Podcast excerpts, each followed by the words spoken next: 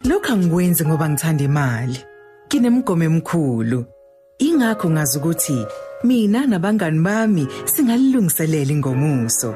Senze izinto ngokubambisana ukuze sithuthuke kanye kanye. Angikwenzeli imali, kodwa kidinga uxhaso ngokwezimali. Thola okuningi kakhulu kunakuqala ngeNetbank Stockfell account entsha.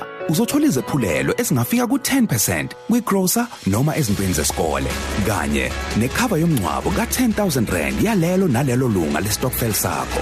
Ngenye indlela esenza ngayo ukuthi imali yakho iqhase.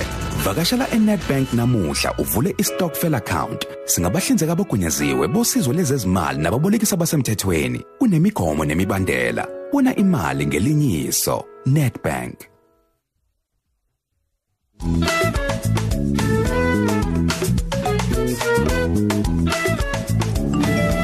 sodwa we awungeke o awuzama indawo lozojikisa khona imoto sifuna isitolo esiseduzane Hayi bonqe, sihamba ku freeway nje.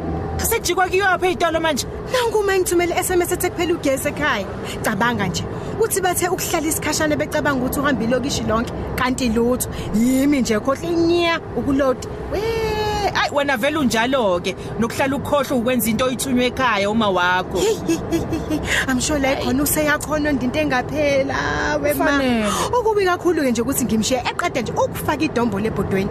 Ubaba bethe uhalela ulamthuthu nedombolo namhlanje. Kodwa wazongihalisa mngani. Phela eze ekhaya akukho noyedwa nje okwazi ukuxova idombolo. Lalela ke my friend. Isapha yena namhlanje ngizoyidla kini. Kuphi khona njengoba ugesi uphele wonke du. Hawu. Kwalelo dombolo lizophukela eziko. May may may may ngeke ngiphumule namhlanje uma ethethe. Hawu hawu hawu. Yaze ngiyale indaba eprepaid oh. Hayi suka ihaba lani kodwa. Usufuna kushawe nama U10 ku freeway ngogesi nje ongawuthenga uyihlalele la emotweni. Kuphi khona kanjani mngani? Hayibo. Hayi bo wenqe, musu kubhayiza wena. Ugesi usuthengwa kalula manje. Cofa nje iselfone uthenge ngemali yakho esebhange. Hey, Yebo. yazi umuntu engahlala etshela ukuthi uthanda izinto nje wena, wena zodwa kanti usizo nakwi technology mngani. Hey, uthatha kancane wena ngiyakubona. Vele kusiza kabi ukuzazi lezi zinto. Mina nje angisawubamba inhlobo line kagesi. Pressa nje ifoni kuthi Hayibo. tik tik tik kukhanye bhayi endlini. Yehena. kanjalo nje. Vele ke wena uthandela namagqomoza obo. Ungayini nje emarket usufola ulayini ozungeza idolophu linda ugesi. Hayi bomngani. Wabanjani wena? Ah, Asibizo ngeqhomoza icathule ngiyigqokayo mina. Oh yes. Stiletto. Stiletto. Yes. Hayi, abakuye ke wezoda wama stilettos. Hayi, awungifundiseke ukuthi ngishaye ziphi inombolo ukuze ngithenge ugesi kulosgedlemba wefoni yami. Oh. Hayi bo ungayideleli njalo leyo foni.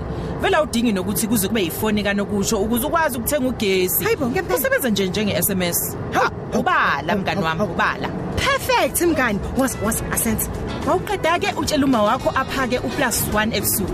Angeke nje mina ngize ngiphuthe lo lamthuthu shame. Yesu zoghala. Sikadele ukuthi.